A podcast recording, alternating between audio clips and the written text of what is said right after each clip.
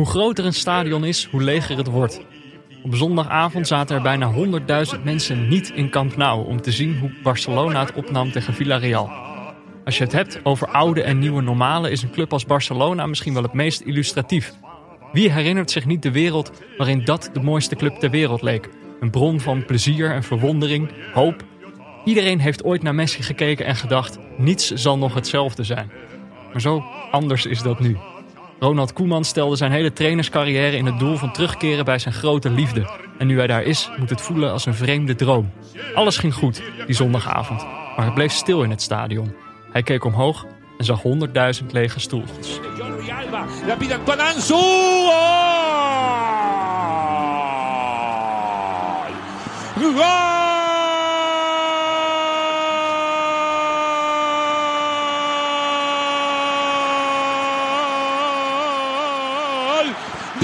Barcelona, sí, que se recarga con la juventud. Ja, Jordi. Ja, Peter. Eh, hopen dat de magie niet weg is, hè, nu. Normaal zien we elkaar een week niet en zien we elkaar pas weer hier in de studio. En Ja. Nou, nou kwam ik jou pardoes op zaterdagochtend eh, vroeg, voor mijn doen, Ja. te- eh, tegen. Ja, voor mij doen niet. Nee. Ik had al boodschappen gedaan. Ja. En ik had al een hele dag erop zitten. Ja, jij hebt ook een kind van één. natuurlijk. Ja, ik dacht, het flitsen door mijn hoofd, doorfietsen. Ja. Zwaaien, doorfietsen. Ja, en dan ga je toch, eh, eh, Wat ga je dan? stop je even. Ja. En dan ga je even een praatje houden. Ja. En dat was hartstikke gezellig. Ja, maar ja, toen dachten we na vijf minuten ook van kappen. Want we moeten over twee dagen nog aan Ja. elkaar vertellen hoe de week Het was. is zo stom. Dan heb ik het gevoel dat, we, dat, dat ik kruid aan het verschieten ben als ik dan met jou praat. Ja, je zag, er, je zag eruit als een eh, zeer bevlogen padeller op dat moment. Zeker, ja. Ik kwam net van de, van de padelbaan af. Eh, Padel of pedal? ik denk padel, Oké. denk ik. Anders eh, zeg ik het al een half jaar fout. En dat, ja, eh, en ga een heleboel mensen met jou. Dat ga ik niet toegeven. Nee, volgens mij is dat ook eh, Spaans. Dus dat is wel eh, toepasselijk voor vandaag. Ja, Maar eh, nee, ik had op dat moment al gesport. Toen kon ik lekker naar huis en de hele dag op de bank gaan liggen. Beetje voetbal kijken. Ja, ik, ik had toen net pas echt goed nieuws ontvangen. Want de Oh. week was weer enorm ontregeld. En ditmaal niet eh, eh, eh, door mijn eigen toedoen, maar door de, de, de schuld lag bij Twitter dit keer. Ik kon, Oh, ik, ja, tuurlijk. ik kon er weer zes dagen of vijf dagen niet op. Daar ben ik helemaal gek van. Ja, Jij was, eh, jij was weer geband van Twitter. dit, weet je, initieel schrik je daarvan. Ik weet De nog, nazi's krijgen ze er niet af, maar Jordi wel. keer op keer. ja. Maar het was heel grappig, omdat ik, ik, ik dacht heel even schoot door. Ja, Pieter zal toch niet boos zijn? Want er was, Pieter had een stukje op VI Pro gepost op zijn Twitter. Mhm. Met wat kunnen we verwachten van Frank de Boer? Ja. En toen had ik zo'n oud fragment van Pong, een gifje Ja. gedaan. Dat het heen en weer kaatsen. Ja. En nou ja, een half, een half uur en een paar likes verder kreeg ik ineens... Bent u een computer? Ik zei nee. En dan moest ik drie schoorstenen aantikken. Dacht ik, nou, dit is me net gelukt. En toen moest ik mijn telefoonnummer invoeren. Dat, dat was wel... op Twitter Ja, allemaal. op Twitter allemaal. Naar aanleiding van, dacht ik, die tweet. Dus ik doe dat. Nou, ik kreeg code toegestuurd, inlog. En toen, alles leek normaal. Tot ik wilde het posten. Toen ging hij steeds, Ja. dat hij niet, niet erop ging. Ja, en als je naar jouw account ging, als ik dat probeerde, dan stond er ook iets van... ehm, Ja, weet u zeker dat u dit wilt zien? Eh, is Ja, gemarkeerd dit- als eh, spam of zo? ja, dit account is beperkt. Zoiets stond er Ja. volgens mij. Nou ja, Dat wist ik al lang. ja. en met jou velen. Maar ja, wel, ja, lullig van Twitter vooral. ja. Maar toen dacht ik van, misschien komt het door die Twitter. Dacht ik, nou, dat kan niet. Ik, helemaal in de war, zoeken. eh, Nou ja, maar Twitter heeft jou natuurlijk... Jij staat op een zwarte lijst bij Twitter sinds jij een keer Daar de kwam music ik. van eh, Titanic hebt gebruikt onder een filmpje. daar kwam ik gaandeweg ook nog eens achter. Want dat is oprecht bevestigd. Mhm. Dat eh, door het voorgaande incident. Want nou ja, oké, even kort. kwam er niet op. De tien tweets geplaatst. Dacht internet ligt alles getest. En toen was er niks. Een paar uur later zie ik ineens een tweet voorbij komen dat Twitter een gigantisch probleem heeft. Dat ze allemaal eh, verkeerde accounts hebben gemarkeerd als, als eh, bot. Ja. En dat ze dat zo snel mogelijk probeerden op te lossen. Vijf uur later posten ze: jongens, alles terug naar het oude. Iedereen kan weer gewoon lekker gaan. Behalve jij. Behalve ik. Ja. Nou ja, dan kom je toch uit eh, bij de legend Jaap van Sessen. Die natuurlijk afgelopen zomer mij heeft gered. Die moest je toen alweer redden, ja. Dus die zegt, je hebt toch niet echt wat gedaan, hè? Want jij hebt al een vinkje achter je naam. ik denk, oh, het zal toch... Het zal, zo'n enorm platform en dan is toch zo'n lijstje waar ik sta met... Pas op, hè, dat is, Ja. dat is een ripper. Deze, deze jongen moet je uitkijken. Maar Nee, je ja, had en- die ochtend net gehoord dat je weer terug mocht. Ja, dus dat, eh, dat, ja, dat was fijn. Omdat ik denk dat je beter geband kan zijn zoals de vorige keer. Want dan kan je het. Maar nu was het echt heel moeilijk. En voelde het een beetje als Ja. censuur en monddood maken. Want ik zag alles en mensen tweeten gewoon naar mij. En zeiden: hey, waarom reageer je niet? En, zo. en ik zat achter die blokkade. Alsof er zo- zo'n droom waarin je probeert te praten, maar er geen geluid uit je mond komt. Ik vond het een hele nare Ja. ervaring. Ik ben blij dat hij achter me ligt. En eh, Ja. nog maar meer is een eh, reminder om geen, eh, geen fouten meer te maken op het platform. Geen, eh, geen muziek van Titanic. eh, Oh, het is zo'n mooi lied, Peter. ja, ja, ja. Eh, Het is verder. Oh ja, ik zat net al even weer. dag en nacht heeft, heeft hier altijd al op de. In de studio hebben ze zo'n gelletje staan ja, hij zit, hij zit tussen. om je handen te ontsmetten. Hij zit er tussenin. Je moet Je hem hebt- niet helemaal hebt- indrukken, krijg je veel te veel. Krijg je heel veel. Maar ook, ik, tegenwoordig vind ik het vooral in het, in het plakgehalte en de geur. Je hebt zeg maar geurloos. Dat Mhm. zijn eh, de kwaliteitsdingetjes. Ja, Dan heb je de soort van eh, eh, mislukte tequila. En deze hangt er een beetje tussenin. Ja. Hij is niet heel sterk. Ik, ik ruik nu oké, maar net te veel. ik, ik heb één keer geroken en ik ben nu onder invloed. Maar nee, Nou ja, ik zit- mochten Tim en Anne luisteren, graag één, één kwaliteitsklasse omhoog met, met de handgel. Ja, de gel kan beter. Maar nou, misschien wel helemaal. Nu jullie luisteren dit Mhm. op dinsdag. Dus jullie hebben dan de, de persconferentie al gezien. Maar wij nemen dit op voor de persconferentie. En een van de dingen die ze daar eh, waarschijnlijk gaan aankondigen. Die dingen die lekken dan toch altijd weer toevallig eh, uit. Voordat ze dat eh, in die persconferentie bekendmaken. Een van de dingen die ze daar gaan zeggen is dat het Nederlandse publiek uit de stadions. of nou ja, alle publiek. Maar uit de Nederlandse stadions wordt geweerd. Dus dat hebben ze twee, drie speelrondes geprobeerd. Ik vraag En me af stoppen ze er waarom. weer mee. Ja, je gaat je wel afvragen waarom ze dat dan ooit eh, geprobeerd hebben. Nou ja, je vraagt je af waarom, omdat de cijfers oplopen, toch? Of, maar Nou ja, ja, in die zin wel. Maar de, de, de stadions hebben toch richtlijnen meegekregen. En die hebben eh, voor een groot deel eh, zich daaraan gehouden. En Dat er zijn toch geen zeer. er zijn toch geen dingen aangewezen als zijnde van dit is problematisch geweest.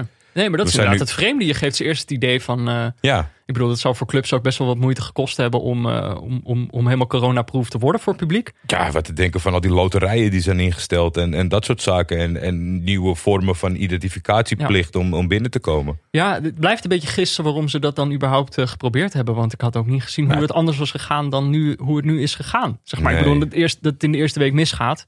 Dan moet je daarna mensen de kans geven om het beter te doen. En dan nu gewoon maar helemaal stoppen. Nou ja, ik weet ja, niet maar het was zo. Wat, ik, ik vind het uh, alom. Ja. Krijgt, dat, dat is niet erg. Maar degene die uiteindelijk erover bepalen. die hebben niet zoveel met sport. Dat, dat merk je in heel veel dingen. Het is ook heel ja, gek. maar ik denk niet dat dat leidend... Ik bedoel, als ze wel heel veel van voetbal hielden... Nou Dan ja, ik andere vind, wel, ik vind zeg maar wel zeg maar, eh, de, de, de mensen die er in ieder geval in de media over aan het woord komen met de dingen die ze zeggen, dat, dat slaat vaak nergens op. En dat heeft meer inhoudelijk te maken met dat je als je zeg maar, waarom zou je eh, op een, waarom zou je alles aanpassen op een incident? Zeg maar, van de e- vorige speelronde was natuurlijk Ja. heel helder dat, eh, dat het bij Feyenoord niet goed was gegaan. Ja. Nou, Nou, ja, dan kan je daar toch. Misschien lichten ze dit in die persconferentie wel toe. Dus dan zitten wij nu, hier nu Ja. over te discussiëren... terwijl mensen dit al, al weten. Ehm, ik, denk dat het, ik denk dat het niet zozeer een straf is voor hoe slecht het is gegaan. Ik denk gewoon dat dit past binnen het pakket aan... eh, maar goed, ik wil het... Ik denk twee dingen. Ja, Enerzijds denk ik, het is eh, jammer, want wat we volgens mij wel hebben gemerkt, ook in wedstrijden die wij hebben gekeken voor de podcast, is dat een beetje publiek leuk. echt is. wel beter is dan geen publiek. Zeker. Dus wat dat betreft is dat heel jammer. En ander ding is, kijk, ergens hebben wij het idee gehad van, we gaan nu langzaamaan weer opschalen tot we terug zijn in het, eh, in het nieuwe normaal. Of bij het oude normaal, of hoe je het dan ook wil noemen. Maar dit is denk ik wel een voorbeeld van hoe het misschien de komende maanden ook nog wel zal gaan. Dat er steeds weer. ja, of dat er toch steeds weer. Kijk, in Engeland bijvoorbeeld, waar ze helemaal geen publiek op de tribune hebben, daar is nu de discussie. Kleine clubs die eh, meer afhankelijk zijn van de inkomsten van eh, kaartverkoop, ja, moeten die nu bailouts krijgen van de grotere clubs.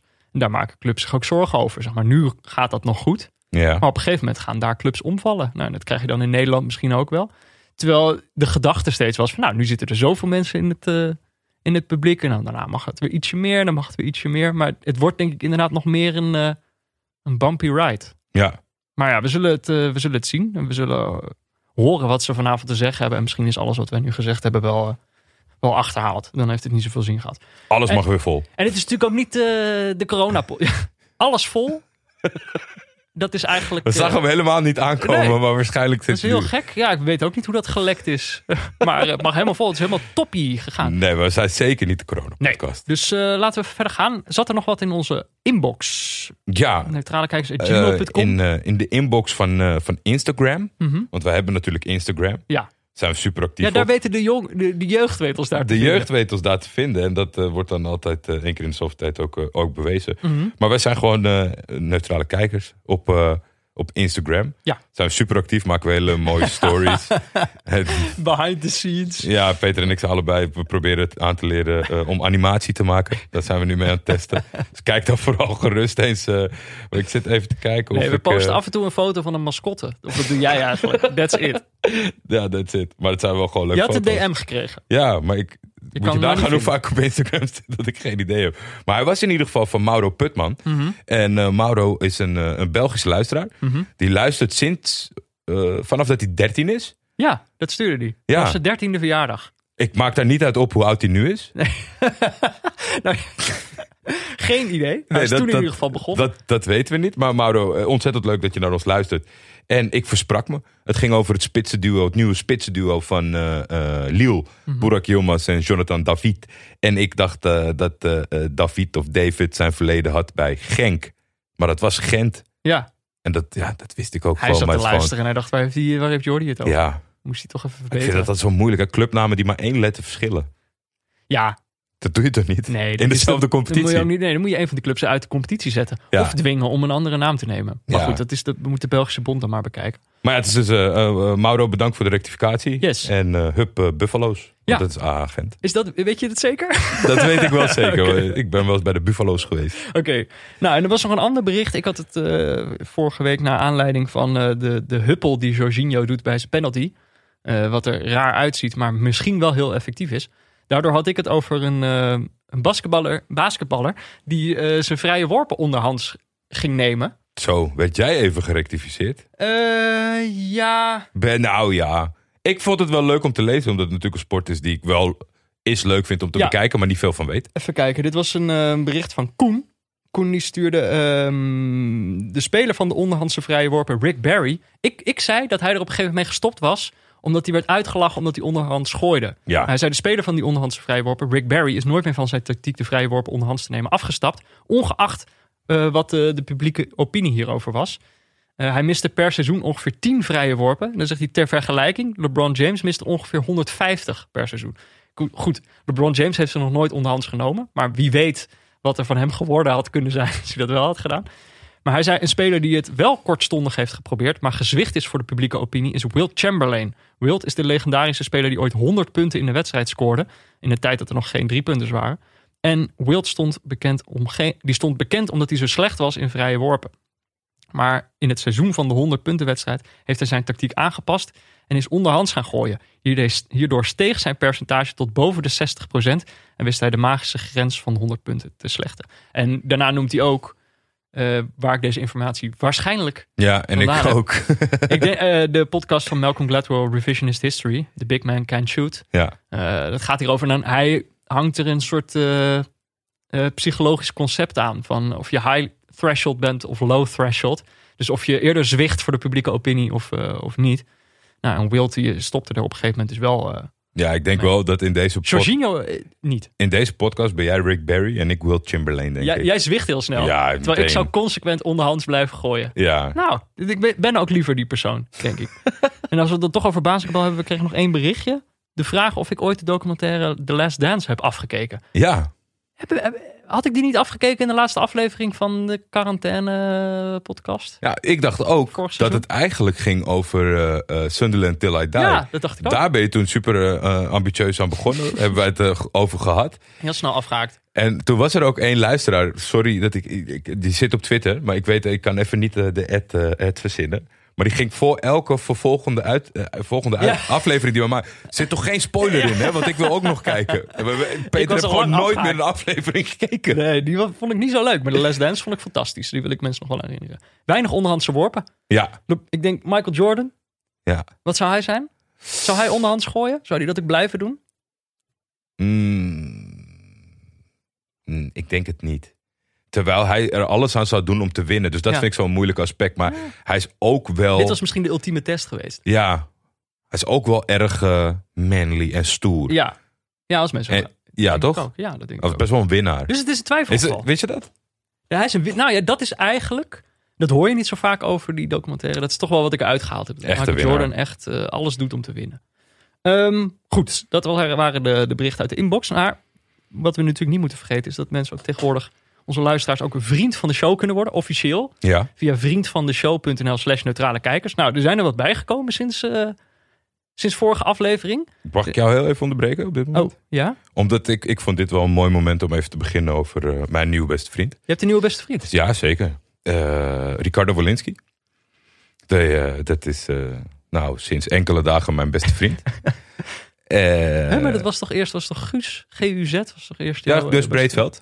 Ja. Die is nu nummer twee. Oké, Ja. Ik, eh, ik, ik rangschik mijn vrienden altijd. Dat doe ik ook gewoon een buiten de podcast. haar gelang het bedrag dat ze Ja, doneren ja, aan ja, ja dat, dat heeft, maar dat is toeval, denk Oh, ik. dat is toeval. Want Ja. ik had echt al voorgenomen eerder eh, eh, om het eens in dit blokje te hebben over Ricardo Walensky. Ja, Maar ja, dat, dat, viel, dat viel heel toevallig samen. Maar die heeft natuurlijk een, een, een fantastische donatie gepleegd. Hij is mede-oprichter, of ik denk zelfs solo-oprichter van Doeldenkers. Met, eh, ja, dat zijn het is een website hè, doeldenkers. doeldenkers.nl, zijn website. Die, die zoekt een beetje in de diversiteithoek eh, binnen het beschouwen van voetbal. Wat Ja. altijd tot leuke artikelen leidt. Het is alleen denk ik wel, toch wel moeilijk gebleken om daar, om daar tegenop te boksen tegen de grote. Dus ik, ik, volgens mij is er af en toe nog wel een update. Het is niet veel. Mhm. Maar het is kleine moeite om dat eh, via de social media in de gaten te houden. En als er weer eens wat is eh, eh, te lezen. Dat is Wat een, dat dat- project van mijn beste vriend Ja. Ricardo. Wat leuk dat je zo even jouw beste vriend Ja, ja, ja, zeker. En eh, laten, we, laten we kijken. Wij zijn misschien, nu zijn we de enige. Maar wij zijn ooit in het gat gesprongen van de echte oprichters van de voetbalpodcast. Mhm. Potje voetbal. Dat was ook, daar was eh, Oh. Ricardo Walensky 50% van het, eh, van het duo. Dus eigenlijk sinds zij gestopt zijn, zijn wij de enige. Ja, wij, wij hebben dat, eh, dat stukje opge- opgevangen. En dat doen wij eh, hoe, zo goed als wij kunnen. Ja, maar even kijken. We hebben in totaal nu 94 donaties, waarvan 69 van vrienden. En, Die andere mensen en die- 93 matige. Die anderen vinden dus ook... eh, nou kijk, voor mij zijn, zijn het allemaal even goede vrienden. Dus Oké. ik wil ze allemaal even in het zonnetje ik zetten. ook wel hoor. Ik moet wel zeggen onder de indruk. Eh, Oké, vorige keer waren we gebleven bij Cornino 9000. Topper. Dus ik ga we nu verder vanaf Cornino 9000. Mos 17. Hm. Die zit wat, eh, wat lager in de getallen. Jaap, Rodney, Zebu, Stefan RM7. Jean-Paul Rison. Wow. Eh, ja, dat, is, dat is- was al vriend van de show, maar nu officieel. Hij heeft een profielfoto van een duif. Dus welkom eh, Oh, Jean-Paul. die heeft hij genomen op een Utrechts bankje. Ja? Daar luistert hij altijd naar onze podcast. Echt? Jazeker. Kijk, dit vind ik mooi. Luc van der Bij, Arnold, Itwer, Daniel Verlaan. Die had er ook een tweetje aan gewijd eh, op eh, de website Twitter. Jou Ja, misschien wel bekend. eh, Daniel, mocht je luisteren, excuses dat ik heel laat pas een likeje gaf. En dat ik eigenlijk, ik vond het te laat om het uit te melken. Hartstikke bedankbaar. Maar ik zat toen op slot. Ja, Ik zat in Twitter nee, jail. hij zal er wel een begrip voor hebben. Huub, Niels, Galit, Attilio Lombardo, Rob, Sander D, Erik, Sander P, Strikerless Mees. Dit, is- dit Mees van... Meest goedmakers? Oh, dat is de verwijzing Dat waarschijnlijk. denk ik, ja. Ja. Ingenieur Evert van der Pik, Jelle Schot, Kim Ketting, eh, Martin, Wilfred Guiné. Ik denk bekend van eh, onze pool, Oh, pool. Afrika Cup pool. pool eh, tijdens de Afrika Cup. Rijn, Rogier en, en als laatste ook jouw beste vriend Ricardo Walinski. Dus een hele hoop vrienden al. Ja. Mocht je ook de podcast willen steunen, dan kan dat natuurlijk vriend, via vriendvandeshow.nl slash neutrale kijkers. Eh, en weet je wel, laat je niet gek maken. Eh, ik vind elk bedrag goed. Kijk, Jordi's beste vriend word je niet zomaar, maar Nee. mijn vriend ben je al De heel lat, de lat is nu ook wel echt hoog eh, als je dat geld niet kan missen, dan ga er alsjeblieft ook wat beters mee doen. Oh nee, dat, dat zeker wel. Maar als je het wel Hey, kan missen en ondernemer trouwens- bent. We kunnen heel aardig tegen ze zijn. Er Ja. is wel één dingetje. We hebben het de vorige aflevering gehad over de functie van vriendvandeshow.nl. Dat mensen spraakberichten kunnen insturen. Nul berichten gekregen. Ja. Nul. En dan denk ik, zijn we dan wel echt vrienden? Hè, als niemand tegen ons praat? Nou ja, ik dacht misschien laat ik, laat ik het eerste eh, stapje zelf zetten. Maar ik, ik weet niet Jij zo... kan niet. Jij kan niet naar jezelf... een, Nee eh, hè? eh, Anna, Tim, als van jullie luistert. Hoe werkt dit? Ja, precies. Of Wat- een van onze vrienden van de show, eh, hebben jullie een optie om een spraak? Want wij hebben een inbox voor, voor spraakberichten. we kunnen nu wel heel boos op jullie worden, maar als het niet werkt, dan moet je het ook gewoon Nou ja, even melden. Oké, eh, we gaan het proberen en dan zien we het. We zouden het heel eh, leuk vinden. Volgende aflevering. Gaan we het nu. Zeker de vragen hebben. voor Pieter. Gaan we het nu over voetbal hebben. Ehm, ja, de wedstrijd die we deze week keken was natuurlijk Barcelona tegen Villarreal. Ik had de tijd weer verkeerd gecommuniceerd. Klasse. Eh, hij was s s'avonds om 9 uur in plaats van, wat zei ik? Eh, Vijf uur of zo? ja, ergens in de middag, half zes of half ik vijf. zweer, mensen, ik zweer het. Toen ik het in livescore checkte, stond er nog vijf uur. Die app wil mij gewoon niet eh, gelukkig zien. Ik denk dat het een voorlopig programma was of zo. Of ik, ben, of ik heb echt niet goed gekeken. Dat kan natuurlijk ook. Ik zal het deze week Maar opzoeken. goed, Barcelona Villarreal. Ja, deze week mag jij kijken. Eh, Barcelona Villarreal. Ja, dat was natuurlijk een wedstrijd die wij kozen. Omdat het het debuut was van onze nationale landverrader Ronald Koeman. Als hoofdtrainer van Barcelona. Maar ook omdat we dachten dat het wel een leuk contrast zou zijn. Hè, Ja. Barcelona, een, een grote club. Toch wel aardig in verval de afgelopen jaren. Tegen Villarreal, een grote club van weleer. Die juist de afgelopen jaren weer een beetje terug eh, lijkt te komen naar die top. Uh, Barcelona was in het vorige seizoen natuurlijk tweede. De Kike Setien, was niet heel best. Villarreal vijfde. Uh, nog best wel aardig. Ik dacht dat zij lager stonden. Jij ik ook, voor mijn gevoel, ook echt een periode lang ja. niet zo goed geweest. Maar, maar, die hebben eigenlijk sinds uh, de vorige competitie nog een hele mooie transferzomer gehad. Die hebben een aantal spelers uh, voor een zacht prijsje overgenomen van, uh, van Valencia. Ja, dat is, ligt natuurlijk niet zo heel ver uit elkaar. Dus dat zal extra pijn doen. Maar dat, uh, Dus wij dachten, dit kan nog wel eens een, uh, een leuk potje worden. Je kan zomaar, weet je wel, blijken hoezeer de, de, de posities veranderd zijn in, in deze korte, korte zomer. Ja. Maar goed, daar gaan we het zo over hebben. Over de wedstrijd zelf. Eerst wil ik van jou weten. Beginnen bij het begin. Geef me één reden om van Villarreal te houden. En geef me één reden om ze te haten. Het is een club zoals je hoopt dat een club is. Oh, en dat is? Het is een, het is een, een, een stukje uh, natuurlijke groei. Het is een heel klein plaatje. Het is uh, volgens mij op, op, op papier, en dat is niet eens allemaal bewoonbaar, 55 vierkante kilometer. Hmm. Wonen iets van 50, 55.000 mensen. Uh, zij hebben geen. Uh, uiteraard is bij het, al het voetbal is geld gemoeid, maar er is niet een of andere suikerroom die dat team uh, helemaal bij elkaar heeft gestampt mm -hmm. uit het niets. Er zit gewoon een hele geleidelijke groei. Het was een heel klein clubje, steeds om de zoveel jaar een promotie, om de zoveel jaar een promotie. Ze zijn nog niet zo heel lang op het allerhoogste niveau. Wel indrukwekkend snel zich genesteld daar. Mm -hmm. uh, dus eigenlijk is, is, is, alles, is alles leuk aan ze. Het is, het, is, het is klein, het is authentiek, het is uh, uh, totaal niet poenerig. Het, zijn, uh, het shirt is mooi, steekt Prachtig. af tegenover veel tegenstanders. Het is een mooie geel. Echt het is een geen hele dag en mooie nacht, geel. Het is geen dag en nacht geel, denk ik, als ik nu om me heen kijk. Nee, het is echt wel puur geel. En dan is het ook Wat wel fel. fijn dat de spelers daar heel lang vaak uren maken in de zon. Het is wel fijn dat je niet heel Ja. wit bent zoals Als ik wij. het aantrek. Nou ja, ik denk eh, wij beiden, eh, als we eh, nu we niet naar het buitenland kunnen, dat, dat, dat, staat toch minder mooi. Mm. Maar ja, hey, maar ik, ik- hele fijne, authentieke vereniging. is er dan überhaupt wel een reden om ze te kunnen haten? Nou, ze, wis- ze wisselen vaker van trainer dan onderbroek. En dat is best wel een beetje. Dat hebben ze dan als enige.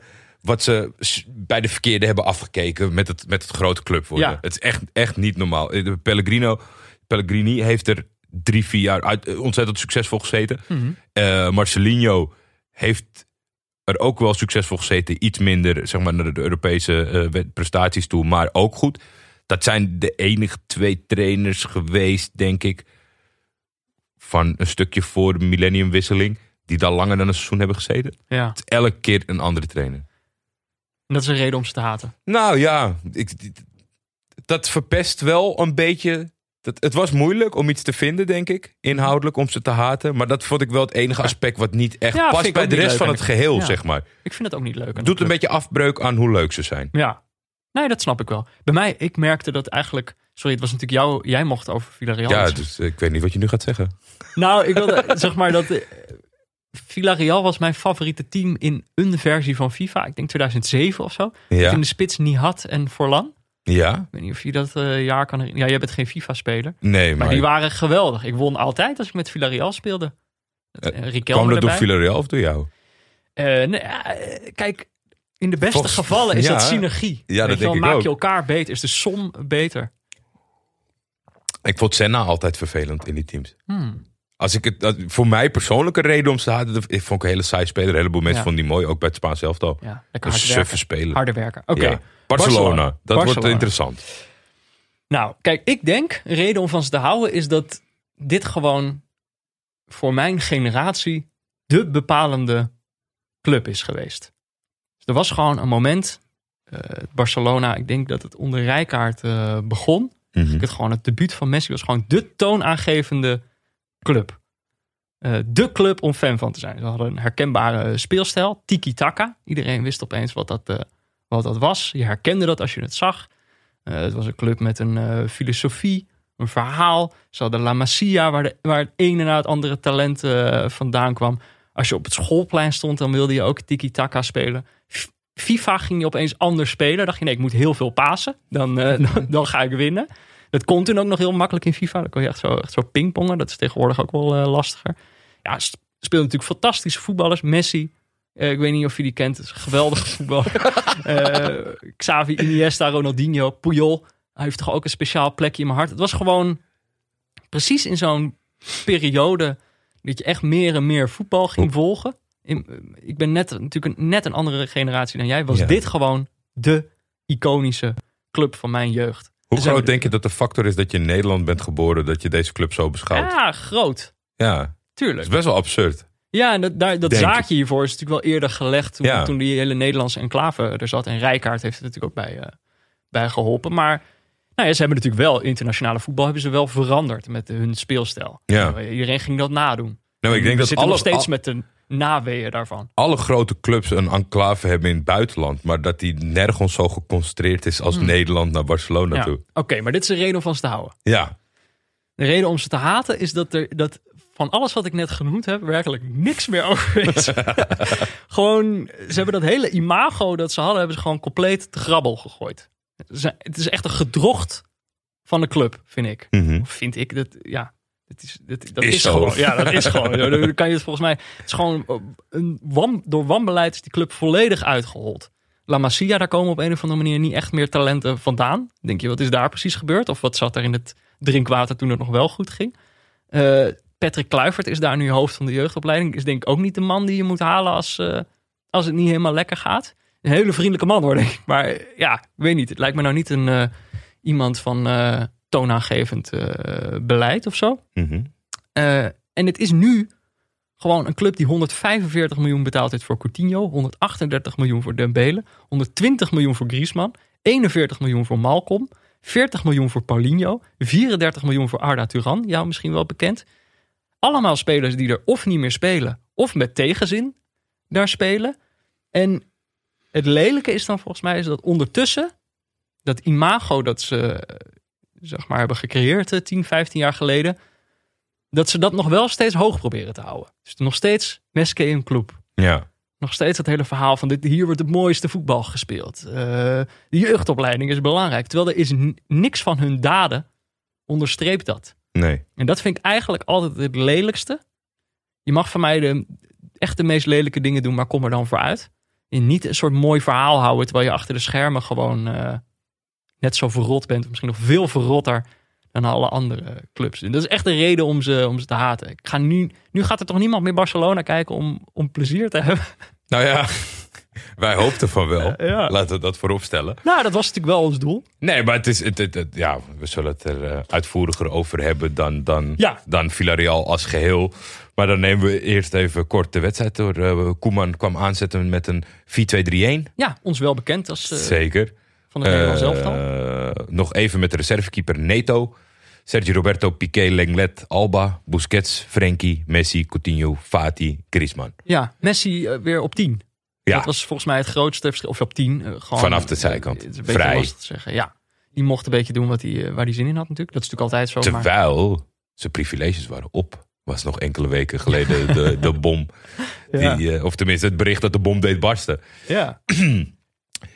En, Het is natuurlijk, want eigenlijk, ik bedoel,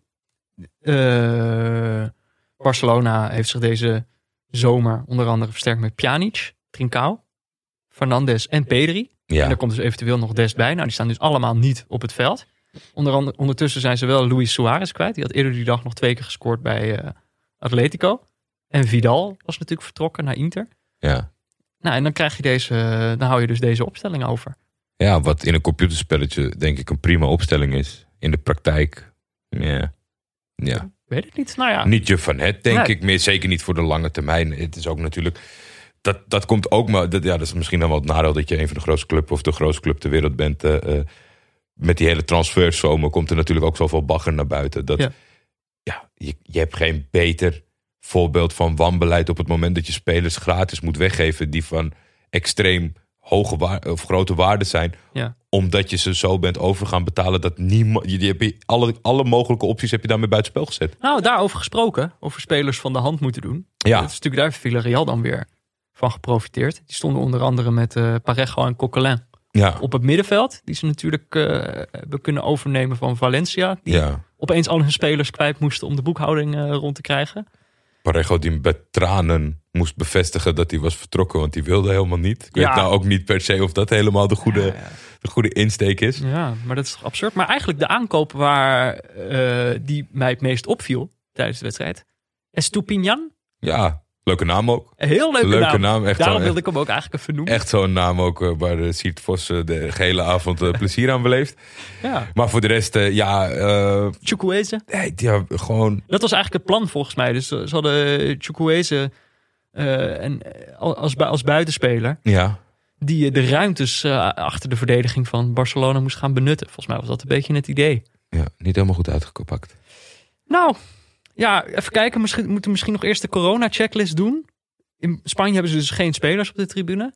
Animaties. Eh, ze, hm? Animaties. Animaties, ja. Hoeft van Eh, mij niet. Er waren geen besmettingen in de selectie. Vond je de mondkapjes mooi in Barcelona? Eh, hm, ja, wel. Ik ben kritisch geweest eh, op, eh op eh Villas Boas natuurlijk, omdat Mhm. hij gewoon met zo'n gamma-ding liep. Ja. Ik denk, ja, ik, ik heb niet echt een mening over mondkapjes, als ze maar niet van de bouwmarkten zijn. Oké. En eh, even ver- kijken waar we het verder nog niet over gehad hebben. En het viel me ook eigenlijk deze wedstrijd pas voor het eerst echt op. ehm, dat er wel stadiongeluid aanstond. Dus je Mhm. hoort, ik bedoel, je ziet dat kamp nou helemaal leeg.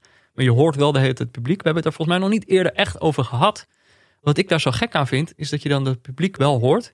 Maar dat je weet dat die spelers dat niet horen. Ja. Dat vind ik eigenlijk het gekke. Ik snap nog steeds niet waarom niet. Want als je ons voor de gek kan houden, kan je hun toch ook voor de gek houden? Ja, precies. Want dus voor mij voor de gek houden, dat, dat, dat lukt vrij makkelijk, merk Ja. ik. Je zet dat aan en ik denk de hele tijd, oh, hey, het stadion is leeg. Oh, hey, het stadion is leeg. Ja. Ehm, maar het, elke keer als ik het door heb dat het stadion leeg is... en dat die spelers dat dus niet horen... vind ik dat eigenlijk veel vreemder dan wanneer het stil zou zijn, denk ik. Dat vind ik zo'n raar... eh, Ja, het was dit weekend uh, Galatasaray Fenerbahce. mhm. En de, de B in Sports eh, die ging door eh, vol vermogen in. Die heeft gewoon eh, de, Die hebben ook highlight- allemaal fakkels erin gekiet. de, de highlights van de afgelopen vijf seizoenen, denk ik, achter elkaar geplakt als stadiongeluid. het was zo'n tamme, slechte wedstrijd. En dan hoor je die, dat publiek weer erachter. Ja, ik, ik, ik, ik, ik heb niet de hele tijd dat besefmoment van ze horen het op het veld niet. Maar ik weet dat ze het op het veld niet horen. Ja. En ik denk juist, als het voor ons een klein beetje kan werken. Misschien voor de spelers doet, ook. voor- misschien voor de spelers ook wel. Ja, ik weet het niet. Maakt het in ieder geval iets natuurlijker. Ja. Dat zij het ook horen wat wij horen. Gewoon keihard. Ja, precies. Ik denk dat dat minder gek zou Ja. zijn. Ik denk dat, ja, ik, tot op heden volgens mij niet gebeurd. Oké, maar dan de wedstrijd zelf. Eerste kwartier was nog even aankijken. Ehm, maar daarna was het eigenlijk al vrij snel klaar, toch? Ja, dat denk ik wel. Eh, ja, het was aftasten. Het was niet, eh, het was niet zo dat, eh, dat meestal zie je nog wel eens dat een, de kleinere club zoiets kan hebben van we knallen er volop. Kijken of we er wat uit kunnen halen en daarna zakken we wat in. Dat, dat Ja. gebeurde niet echt. Barcelona's Maar je dacht in het begin nog wel van, oh, misschien gaat het wel met die buitenspelers van Villarreal. Gaan ze nog wel een keer hiervan profiteren? Dan kwamen er een paar keer een beetje uit. Mhm. Geen hele grote kansen, maar zeg maar op dat moment dat je nog het idee van, oh, het kan ook. Villarreal kan ook doordrukken en dit eh, en de voorsprong pakken. Maar toen was het opeens eh 1-0, Ansu Fati. Ja, 2-0 Ansu Fati. 3-0 Ansu. Fati versiert, versiert de penalty. Ja, mag hem toch niet zelf nemen. Messi hem nemen. En dan vlak voor rust ook nog, nog 4-0 door een eigen doelpunt van Pauw. Daar was het stadiongeluid. Hoorde jij dat ook? Dat juichen begon, maar werd per ongeluk uitgezet. Denk ik door degene die dat aan het bedienen was. Oh nee, dat, dat is mij niet opgevallen. Maar de- ja, ik, ik moet zeggen dat, eh, eh, tussen de 3 en de 4-0 had ik al heel veel moeite met mijn, eh, Met je aandacht met mijn aandacht bij deze wedstrijd houden. Ja, je hebt op dat moment het idee 4-0. Ja, wat, wat kan er dan nog gebeuren? 4-0 staat op dat moment. Wat viel ons verder op in die wedstrijd nog? Nou, Je gaat dan op randzaken letten, toch? Ja, maar dat, dat is. Dat, ja, en ik weet niet eens of. Misschien is het wel een hele belangrijke factor in plaats van een randzaak. En ik denk dat het er ook mee te maken hebben voor mij. om mijn concentratie bij zo'n duel te houden. Is dat iedereen daar met de zagrijn loopt. Ja, bij Barcelona. Het staat vier, je staat 4-0 voor. Je begint aan een nieuw seizoen. Je, je knalt uit de startblokken. Eh, het is niet super sprankelend voetbal. Maar volgens mij eh, deed iedereen zijn best. En, Ja. en, en kwamen dingen uit. Zoals de acties. Dat ze gewoon. eh, hetgene wat ze in gedachten hadden, werkte dan ook. Mooie doelpunten. Van een jonge enthousiasteling. Die dan wel enthousiast is. Ja. En die dan wordt. Ja, Er waren een paar gekke momenten. Hè? Je had inderdaad een moment dat Ansu Fati vlak voor de neus van Messi een, een bal eh, ja, binnenschiet. ja goed Ja, binnen. Dat is natuurlijk eh, gewoon heel goed. Dat Ja. was de goal. Ja. Maar later loopt hij ook weer een paar keer precies op de plek waar, waar Messi op dat moment stond. En dan zag je Messi op een gegeven moment ook zo van die gebaren maken van wat doe je hier? Oh, jij ziet er al, je ziet er al wat, heel wat anders in. De troonopvolging. eh. Nou, Nou, ik vond, ik, vond, ik vond het, het, het- in het geheel, ik zag een paar keer ook Sergio Roberto die dan op rechts eh, diep gaat en de bal niet krijgt. En dan ook zo, zo stop, zoals je in je amateurteam doet. Ja. Krijg ik hem weer niet. Weet je, en dat is volgens mij, eh, de Pieter Zwarten van deze wereld zeggen altijd, ja, dat soort baalmomenten, als je die herkent in een ploeg. moet eruit. Nou ja, die moeten eruit inderdaad. Als het er echt om draait, moet je dat niet hebben. Maar het laat ook gewoon zien dat, er, dat het in dat team... Ik bedoel, je kan 4-0 voorstaan en alsnog lopen die gasten een beetje te, te chagrijnen. Wat ik gewoon totaal niet kan verklaren is als je dan s'avonds en vanochtend eh, eh, de headlines leest. Sprankelend nieuw Barcelona, fris nieuw Barcelona. Dit is een ploeg zoals we hem nooit hebben gezien. Terwijl ik vind, om dat te constateren, moeten die koppies omhoog. Ja. Nou ja, kijk, er is natuurlijk genoeg gebeurd bij die club. Ik snap best wel dat het zo gaat, maar inderdaad, het is helemaal niet sprankelend. Nee, nee, het is het is helemaal niet fris en niet sprankelend. En ja, individueel absurde klasse. Maar ja, ik, ik, ik vind in het geheel, ondanks dat het dan 4-0 is... Kijk, ze zijn afgelopen seizoen eh, eh, vaak weggehoond... maar ook gewoon tweede geworden. Met maar vijf punten achterstand op Real. Ja. Eh, daar zit het hem niet in. De kwaliteit is veel te hoog om week in, week uit... tegen een zepertop te lopen. Het gaat misschien inderdaad om die Maar paar extra percentages. Er die is precies niks zit in die motivatie, in het plezier, in... Er is, er is helemaal niet zoveel veranderd. En ik denk ook dat eh, op het moment dat. eh, eh, dit weekend een slecht voorbeeld. Maar bijvoorbeeld een Bayern München zo meteen een keer langskomt. Of dat Wordt gewoon daarvan... weer 8-2. Nou ja, ik zie, geen, ik zie voetballend geen reden. Ja, Ah. er zijn wat eh, eh, detailwijzigingen van de aanpak. Daar gaat Dest geen verandering in brengen. Dat denk ik ook niet. Dat lachetje in huis. Nee. Nee, maar ik, ik denk dat dat echt wel problematisch is. En als je dan heel ver uitzoomt, vind ik het altijd. Vraag ik me af hoe dat kan. Dat je bij Barcelona mag spelen. En dat je het met de tering in je lijf doet. Ja, ja omdat, het, omdat die club eh, verschrikkelijk is, denk ik. Toch? Ja, maar- Het is wanbeleid. Dat, is voor niemand, dat, dat, dat voelt iedereen. Nee, oké, maar ander punt dan. De reden, volgens mij, van, van jouw terechte analyse van wat het ooit was en wat het afgelopen jaar is geworden.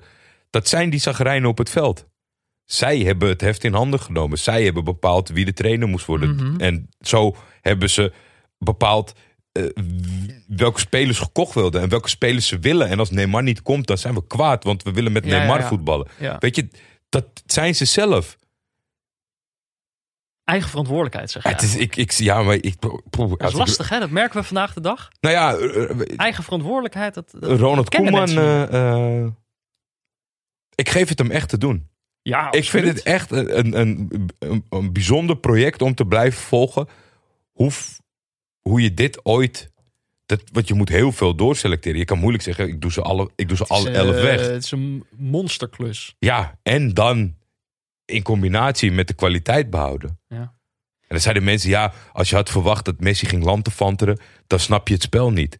Dat, als ik de credits kon geven, dan, dan snap Maar natuurlijk is het niet lantefanteren wat hij doet. En hij is de beste ter wereld, dus dat komt er ook nog wel uit. Maar je gaat niks winnen met deze jongen. Niet met dit eh, gedrag. Dan willen we nog een paar dingen zeggen over kledingstukken. Toch? Ach, Dat was ik al bijna vergeten. Ja, Ja, nou, jij, bent- ja. jij zit gelijk alweer zo in die wedstrijd. Ik wil even terug naar de randzaken. Ja, oké. Eén ding wat is opgevallen, en dat, daar schrok ik van. Ik ben ook vandaag in een lange broek. Ja. Iedereen die mij Ja. kent, die weet dat ik altijd in een Nou, lange broek zit. Of in Het een was korte vandaag broek. wel echt herfstweer. Dus ik snap het wel. Maar mijn benen zijn getraind genoeg om tegen deze minimale kou te kunnen. Ja. Ik schrok een beetje van de korte broek van Alfred Schreuder. Ja, die had een heel kort broekje aan. Ja, nou, die zat te, te, te pennen eh, in de eerste paar minuten. En toen ging een Dus is trouwens dus shottenpakje de assistent van, eh, van Koeman, hè? Ja, Voordat ja, mensen ja, denken, wat doet hij daar? Alfred Schreuder. Ja, Was hij namens de Telegraaf? hij had een heel kort broekje aan. Ja, Ja. wat dat betreft zou het ook de nare droom van Koeman kunnen zijn. Ja, Alfred, Alfred Schreuder was er ook. en die had een heel korte broek aan. Nee, maar vooral. Want later, eh, later ging hij anders zitten. Maar hij zat eh, eh, Ja. met de benen wijd. En toen dacht ik, zit hij nou in zijn onderbroek? nou ja, misschien heb ik dus allerlei mensen ook zelf altijd op YouTube... horrorbeelden getoond door korte broeken te dragen op een bank. Ja, ik weet niet of het... Ik zou het niet meer doen, Alfred. Nee. Eh, en dan wilde ik nog iets over zeggen. Toch iets over de mondkapjes. Dan niet zozeer over hoe ze eruit zien. Maar het viel op een gegeven moment op. Dat eh, Unai Emery, de trainer van eh, Villarreal op dit moment. dat is dus iemand die het mondkapje zo onder zijn neus draagt. Ja, Waardoor het eigenlijk helemaal geen zin heeft. geen functie. Dat, dat bedoel, dan, dan doe je het eigenlijk voor niks. En Alfred Schreuder deed dat op een gegeven moment ook. Maar ik had dit nog niet opgeschreven in ons draaiboek. Ja, Of het veranderde. Volgende shot dat hij in beeld kwam, had hij het wel weer over zijn neus. ik weet af en toe toch niet hoe ver jouw invloed reikt, Nee, eh, Peter Buurman. Precies, Dus, eh, precies, er is een soort eh, John Troost connectie tussen mij en, eh en Unai Emery. Ik vraag me wel af. Mhm. Hoeveel, hoeveel mensen zijn er bij zo'n wedstrijd tegenwoordig betrokken die niet getest zijn? Zeg maar, die gasten worden de, om de dag, om de twee dagen getest. Al die ploegen, om Mhm. continu door, te kunnen blijven spelen. Ja. Waarvoor, waarvoor dient die binnen die selecties? Wie? Wat? Huh, de test? Nee, de mondkap. Oh, Iedereen Nou die daar aanwezig is, wordt heel veel... Ja, extra, ja en extra misschien een beetje naar buiten toe. Van stel je bent, eh, nou ja, weet ik, ik weet het ook niet. Nee. Nou ja, dat moet Zat ik aan te denken met die knalgele kappen van Villarreal. Ik denk, Ja. ja, als iedereen nou de hele dag getest wordt, waarvoor moet hij dan Nou, nog? het is wel altijd een goede visuele reminder dat Ja. de pandemie nog altijd bezig is. Ja, dat zeker. wel. Oké, maar goed, eh, 4-0 dus bij rust. Maar is de wedstrijd dan ook echt voorbij? Of krijgen we in de tweede helft eh, nog vuurwerk? Ja, dat hoor je na de rust. Eh, en onze rust is natuurlijk gesponsord door Auto.nl.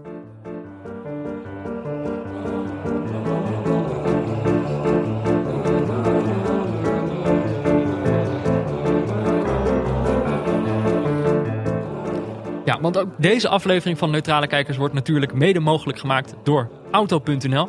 Op de website www.auto.nl garanderen zij nooit meer een miskoop. Nou, de transfermarkt is in verband met, eh, met COVID-19 nog wel eventjes open. Clubs hebben meer tijd om miskopen te doen. Eh, misschien toepasselijk als we het over Barcelona hebben. Serginho Dest, nog niet gepresenteerd, gaat waarschijnlijk wel gebeuren. Ja. Ehm, wat denk jij? Als ik, eh, ja, met Serginho Dest, dan moet je een beetje kijken eh, hoe lang. Maar dat blijft, dat blijft toch een saillant detail, vind ik, bij auto's kopen. Want als er een nieuwe auto uitkomt, Mhm. hoe lang is die getest? Hoe lang is hij al rijdend? Dit vind ik dus bij Serginho Dest. Hij heeft één seizoen bij Ajax in het eerste gespeeld. Ja, En dat is voor zo'n topclub dan genoeg om te denken, nou deze doen we wel. ja. Maar je weet het toch niet? Ik bedoel, eh, hoe doet hij het eh, als je ermee op vakantie gaat? Als je er echt lange afstanden mee moet rijden. Dat weet je nog helemaal niet bij zo'n speler. Nee. Maar daarvoor hebben we, denk ik al, dit moeten we wekelijks concluderen dat Auto.nl voor een substantieel kleiner bedrag veel meer inhoudelijk research doet met betrekking toch tot het aan- en verkoopbeleid dan voetbalclubs. Dus ja, nee, dat, is, dat is wel zo. Want dan heb je ook altijd eh, de, de verkiezing, auto van het jaar. Het is, het is dan maar één jaar. Auto's moeten meestal vier, vijf jaar meegaan. Dat, eigenlijk kan je pas zeggen na vijf jaar of dat toen de auto van het jaar was. Ja, dan heb ik nog een ander om jou voor te leggen. Ja, Dat is een, iemand die, over wie we het in deze podcast al vaak hebben gehad. ja.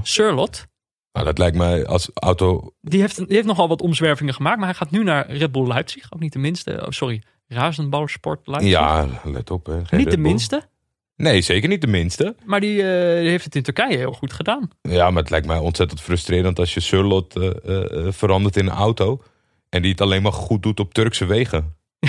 ja. Zou wel fijn zijn. Er valt geen pijl te trekken bij hem, Ik weet niet of Auto.nl eh, eh, een boekje meegeeft in welke landen deze auto lekker rijdt. Maar nee, dat is natuurlijk, eh, als auto zou dat verschrikkelijk zijn. Eerst denk je van nou, een heel jaar staat hij stil, doet hij niks. En dan het volgende jaar is het het top of the bill. Zou jij als Turkse voetbalkenner ook zeggen dat als een speler het goed doet in Turkije, dat het geen enkele garantie is voor, voor andere landen? Ja, maar ik zou dat toepassen op elke, elke verplaatsing. Oké. Dus Messi, hè? Can he do it on a, on a, on a, on a wet night in Stoke? Ja, Een windy, rainy day in Stoke? Ja, nee, ja, ik, dat, dat is e- echt een onderschat aspect. Maar eh, pot- miskooppotentie, Surlot. Weet je wel, hè? Bij Razenbalsport zijn ze ook niet gek, denk ik altijd. Nee, nee. Maar het kan zomaar. Wel een risicootje. Een groot risico. Ik heb nog één ander dingetje. Kijk, we zitten nu natuurlijk in het sponsorblokje van Auto.nl. Ja, We hebben het wel eens gehad in, eh, tijdens de, de quarantaine-afleveringen over eh, parkeerplaatsen in Denemarken. ja. Waar ze met in allemaal auto's wedstrijden gingen kijken. Dat is nu, wordt nu ook in Nederland gedaan. Dus tijdens de wedstrijd van Ajax. eh, op parkeerplaats vlak bij de toekomst. Dus vlak bij de arena ook. Stond de wedstrijd tegen Vitesse. Hadden ze een parkeerplaats vol met auto's. Dan wil ik even laten horen hoe dat klinkt als er een doelpunt wordt gemaakt. Wil je horen? Ja.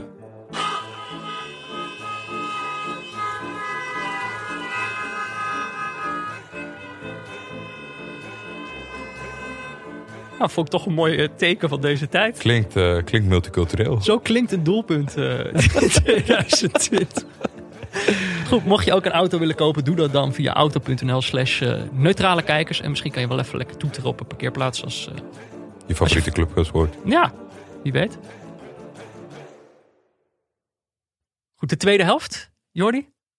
Was toch wel echt afgelopen de wedstrijd. hè? Ja, We hebben niet zo heel veel te zeggen over deze tweede helft. echt nee. Ik, ik, ik- Peter, ik had het echt moeilijk. En dan kan je wel zeggen, eh, ik, ik, ik ga deze commitment aan. Dus ik ga dan ook niet wat anders doen. Maar ik, ik zat echt linksom, rechtsom om me heen te kijken. Lot was boven een boek aan het lezen. Die, Ja. ik, zei, ik zeg, heb jij eens wat? Maar het Want is ik, ook- weet, ik weet gewoon niet meer wat ik met deze wedstrijd aan moet. Nee, maar het is, het is natuurlijk ook, je voelt het in de rust al aankomen. 4-0 voor, voor, eh, ik bedoel, dan gaat er gewoon niet zo gek veel meer gebeuren. En na de rust, wat er gebeurt is, Villarreal staat net iets beter georganiseerd. Want de verdediging voor rust was wel echt een rommeltje. Nou, dat hadden ze iets beter neergezet in de rust. Eh, en Barcelona, ja, 4-0 voor. Dan kan je trainer wel zeggen, nou kom op jongens, eh, we maken er nog vier. Maar mentaal ben je dan gewoon wel klaar. Dan denk je, nou 4-0 Ja, wat kan ons gebeuren? En dat is dan ook echt zo. Het werd gewoon een, eh, een gezapige wedstrijd. Of vroeger mochten ze gewoon in de rust drinken wat ze zelf wilden. En nu heeft Koeman bedacht dat ze limonade moeten drinken. En waren ze toch weer een beetje boos op de verandering. En hadden ze niet zoveel simmer in de tweede helft. Want zo zijn die kleuters, Ja. eh, is mijn beeld eh, tegenwoordig een beetje. Ja, nee, ja. Er wordt nog wat gewisseld. Hè? Eh, Dembele komt er nog eens in. Een tijd afwezig. Pedri, Trincao en Pjanic. Dus ook nog wat nieuwe aankopen die wat meters mogen maken. Het deed Ja. me een beetje denken aan, omdat dat natuurlijk hartstikke actueel is en dat je daar veel over nadenkt. Maar het deed mij een beetje denken aan de aanpak van Frank de Boer. Nou zal Ronald Koeman het graag anders hebben gezien hoor. Maar daar was het ook. Nou, die ging vaak in zijn Ajax-periode met 1-0, 2-0, 3-0 rusten. En dan wist je dat je de tweede helft Ja. eh, net zo goed vliegtuigjes kon gaan vouwen. Ja, Ja. En aan de andere kant, ja, dan krijg je weer de gedachte van... doe maar lekker rustig aan. We hebben een druk programma. Komen nog allerlei andere wedstrijden aan. Maar ja, kom op. Het is wel entertainment, jongens. ja. Nou ja, en dan eh, bij Villarreal komt nog onder andere Take Kubo Ja. binnen de lijnen. Is natuurlijk ook Gehuurd een- van Madrid. Ja, natuurlijk ook een saillant verleden bij, eh, bij Barcelona. Eh, op het beruchte La Masia. Mhm. Nou ja, die doet nog wel even zijn best. Vijf minuten voor tijd denkt Villarreal, nou, we gaan nog even voetballen. We gaan ons best nog even doen. Zou ik misschien... Absurd moment. Ja. 4-0 achter. Precies. Wat, wat gebeurde er in die ploeg dat zij toen dachten, nu gaan we nog even een paar doelkansen creëren.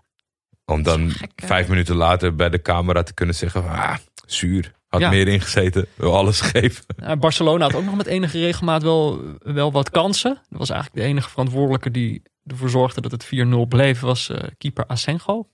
Dat vind ik altijd, als zo'n keeper uitblinkt, heb je gewoon te veel kansen tegengekregen. Ja, ja, zeker. Maar dat maakt natuurlijk inhoudelijk voor de keeper niet zoveel uit. Nee, die Maar heeft een lekkere dag gehad, denk ik. ja, showkeepertje ook wel. Zeker. Ik vond bij... eh, ik, ik, wel- Je snapt opeens waarom hij zo vaak geblesseerd raakt. Overdreven duikjes. eh, Ja. eh, Ja, is niet vies. Nee, niet vies zeker van. niet vies van. Zeker niet vies van. En nou, wat er nog wel was, goed, het bleef 4-0. Maar Er was wel vuurwerk. Ja. En dat was dus, dat hoorde je helemaal door die, studie, die, door die publieksband heen. ja. Hoorde je op een gegeven moment allemaal knallen. Minutenlang eh, eh, bleef dat afgaan.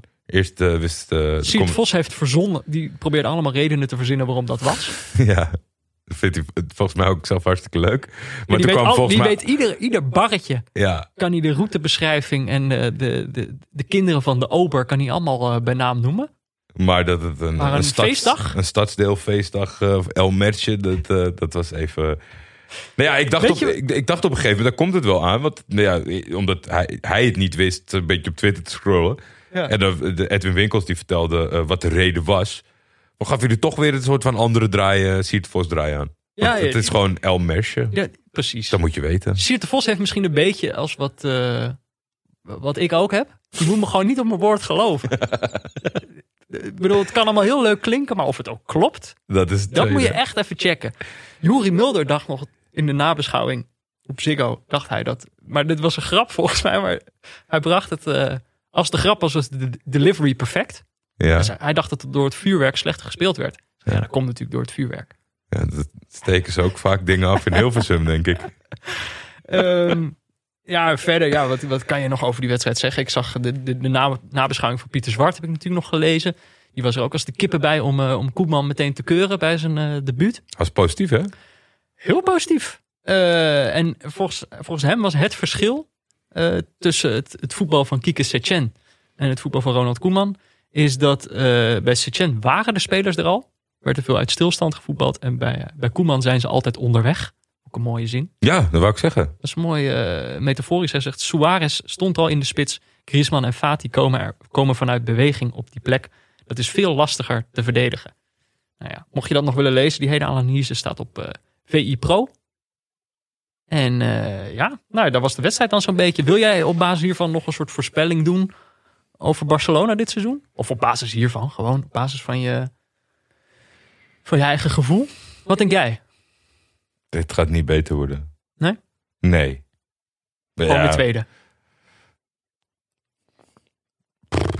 Real zit ook een beetje in zo'n generatieconflict. Maar daar heb ik wel het idee dat de mensen die voor de club staan... dat net even gepassioneerder doen en niet zoveel... eh, het is natuurlijk ontzettend gebotst daar. Ik denk dat dat een groot verschil is. Zo'n Ramos en die andere jongens die daar al veel te lang rondlopen... Ja. dat die wel... Dat zij, eh, hun voordeel is dat ze geen probleem hebben met de club waarvoor ze spelen. Wanbeleid is natuurlijk ook meer onderdeel van de cultuur bij Ja. Real Madrid. Ja, ja en ook eh, de keer 100 miljoen maken ze niet zo vaak ketser mee. Omdat het gewoon zo voorspelbare transfer is. Gewoon Dus de beste gewoon- ter wereld kopen voor een heel hoog bedrag. Jij denkt gewoon weer tweede, vijf twee. punten achter. En ik denk ja, niet, eh, niet eh, flitsend. En ik denk ook geen Champions League overwinning. Haalt Koeman het einde van het jaar? Van het seizoen misschien moet ik beter zeggen. Hmm. Clubbestuurders kennende, die verkiezing gaat natuurlijk gebeuren tijdens het seizoen. Mhm. Ik denk dat daar iemand zijn ego in de weg gaat zitten. En dat het niet eens op basis van prestatie, maar op basis van randzaken, dat hij misschien het seizoen niet afmaakt. weer terug. Of Ja, krijgen we dat weer. Kan je toch nog wel een, eh, een man of the match aanwijzen? Bartomeu. De smaakmaker van het ik vind eh, de, de man of the match deze week is eh, de voorzitter van Barcelona. Ja, de, de, de hoofdverantwoordelijke voor dit reeds genoemde wanbeleid. Ja, omdat... Ja, Deze gast maakt er echt een potje van. Waarom is dit jouw man of the match? Nou, omdat ik, omdat ik het toch in het geheel andersom ziet. En het enige man ter wereld die ik die 4-0 gun is hem. Omdat hij wordt door alle kanten wordt hij aangewezen als de reden van het. En hij geeft natuurlijk ook zijn krabbel onder veel beslissingen. Mhm. Maar die allemaal ingefluisterd worden. En het is allemaal machtsspel. En hij maakt daar helemaal de dienst niet uit. Hij is de kop van Jut, ja, jij. de kop van Jut. En daardoor heb hij ook gewoon nu gewoon... dit- nou ja, het lijkt me dat hij dan toch... Oh. klein beetje Koeman er doorheen heeft gedrukt. Ja. Met angst en beven heeft hij dan gisteren ingeschakeld hoe het dan zou aflopen.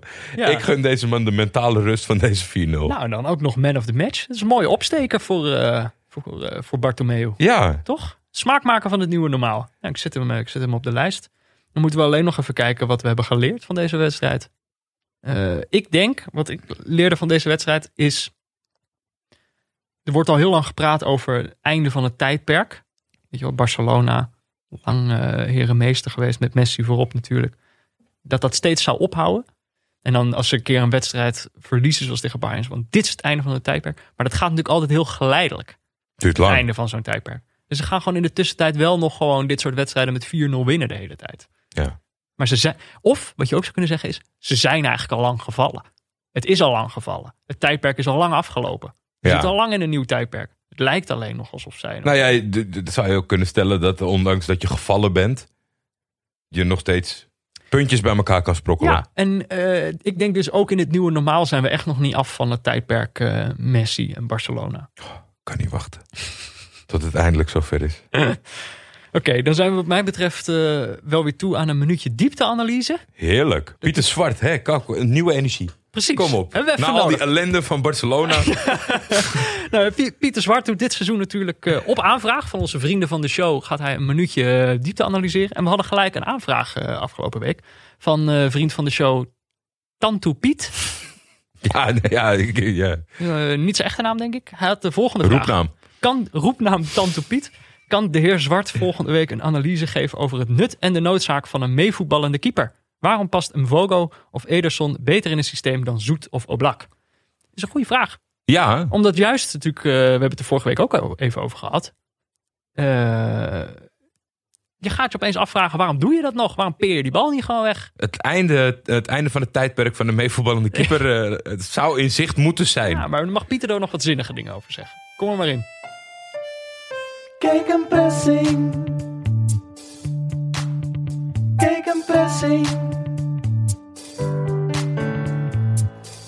Wat is het nut van de meevoetballende keeper? Om die vraag te beantwoorden moet ik eerst een misverstand wegnemen. Namelijk dat meevoetballen de belangrijkste taak is van een meevoetballende keeper. Belangrijker is vaak zijn rol zonder bal. Dat wil zeggen, ver voor zijn doel durven staan. Zodat de verdedigers verder kunnen doorschuiven. En daarmee de middenvelders en de aanvallers. Zodat verder naar voren druk gezet kan worden en ballen afgepakt worden. Zoals Bayern dat doet. En Liverpool en op een goede dag Manchester City. Want de meeste doelpunten worden gemaakt na een verovering in de laatste derde van het veld. En daarvoor heb je dus een meevoetballende keeper nodig. Kijk een pressing. Kijk een pressing. Tja, Kijk, als je er zo naar kijkt. Het is toch weer veel inhoudelijker dan dat wij dat eh, kunnen. Of ik, laat ik Nou ja, dan ons hoor, mag je wel in deze zeggen. Goed, wat is er nog meer gebeurd in het nieuwe normaal, eh Jordi? Eh, jeetje, wat is er allemaal Eh, gebeurd? Dus we hebben weer een lijst met namen. Ik ben benieuwd waarom jij sommige namen erin hebt gezet. Ik zag dat Troost Ekong naar Watford ging. Ja, Toen dacht ik, Troost Ekong, Nederlands tientje. hoort bij onze show. Ja. Dus ik wilde eh William Troost Ekong feliciteren met zijn overstap van Udinese naar Watford. Oh, dus hij zit, in- hij zit al in dat cirkeltje, Ja, toch? Dat ja, zijn allemaal ja, clubs die bij elkaar horen. Ja. Dus hij is gewoon verplaatst. Je kan het zien tegenwoordig als een beetje promotie. Ze Dat je wat- binnen het concern promotie maakt. Ja, Hij was van eh, assistant eh, centrale verdediger, gaat hij nu naar de hoofdmacht. Maar ja, het is ontzettend leuk voor die jongen. Hij heeft natuurlijk eventjes een mindere periode gekend toen hij heel jong was bij Tottenham Hotspur. Dus hij is, Ja. het is zijn terugkeer in de Premier League. Heel veel meegemaakt, Oh, ja. een positieve maar Watford ontwikkeling. speelt toch niet in de Premier League? Ja, nou wat. Dan moet hij nog een jaartje heel goed voetballen als hij terug wil. Toch? Of zeg ik nou wat geks? Nee, je zegt helemaal niks geks. Ik zit helemaal met Wolves in mijn hoofd. Met die Portugezen, die kopen elke week eh, drie Portugezen. Nou, dankjewel voor deze live, eh live Kong is rectificatie. geen Portugees. Dat is Nee, een ook- halve Nederlander. Ja, en half Nigeriaans. Precies. Maar daar wilde, jij wilde die even in het zonnetje zetten. Ja, Oké, dan wil ik het over iets anders hebben. Vorige week ja. eh, heb jij het over de Oranje Leeuwinnen. Je had een leuk filmpje gezien. Lieke Martens liet eh, twee van haar teamgenoten schrikken. En jij zegt, kijk, dit is dus een voorbeeld. Nederlands elftal is alleen maar chagrijn. ja. Eh, Ronald Koeman is inmiddels gepresenteerd als de nieuwe hoofdtrainer. Nou, dan weten we wel wat voor, een, wat voor periode het wordt. En jij vond dat een voorbeeld, die Oranje Leeuwinnen. Je zegt, dit is nog plezier. Die laten elkaar tenminste schrikken. Dit is echt, dit is grappig. Verschijnt er, een paar dagen geleden, filmpje ja, op het internet ja. van Memphis. Die een paar van, tijdens het trainingskamp van het Nederlands elftal, een paar van zijn medespelers Laat schrikken. laat schrikken. Ik zag het. Toeval. Toeval, hè? Ja. Dat is toch gek? Wat denk jij? Jij wil het niet claimen, hè? Ik, Oh nee, nee. Er is toch gewoon iemand die tegen Memphis heeft gezegd: je moet even. eh, je moet Virgil laten schrikken. Jordi en Peter vinden jullie niet leuk. jullie moeten ook wat leuks doen. Nou, maar dat... Ja, kijk, daar kom je natuurlijk niet helemaal achter. Stel dat het zo is. Stel dat het zo Uh-huh. is. Ja, dan is dan het minder is, leuk. is het nou minder dan is, leuk. Het, dan is het geen toeval. Dan, nee, maar dan, dan is het toch veel slechter nog gesteld met Nou de ja. staat van Oranje. Als Jij je dit het in scène is. zet, iemand laten schrikken. Ja. Dan dan niet, niet de schrikreactie hoor. Maar dat je zegt, het is leuk voor social media. Oké, maar dan, zal ik, dan heb ik het volgende. En nu zegt het waarschijnlijk als het, als het echt heeft ge- plaatsgevonden, Mhm. dan voelt iemand zich nu heel rot die luistert. Ik bedoel het niet, echt niet lullig. Ik, ik, ik, ik snap het, maar je moet het niet meer doen.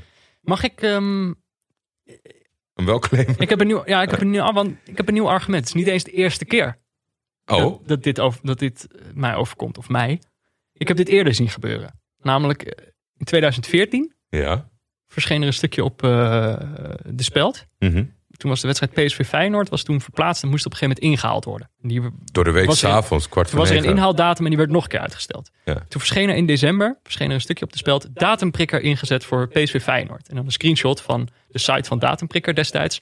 Met eh, allemaal spelers die dan hebben aangeklikt of ze kunnen of niet. En dan staat er in die afbeelding staat onder andere eh, Memphis.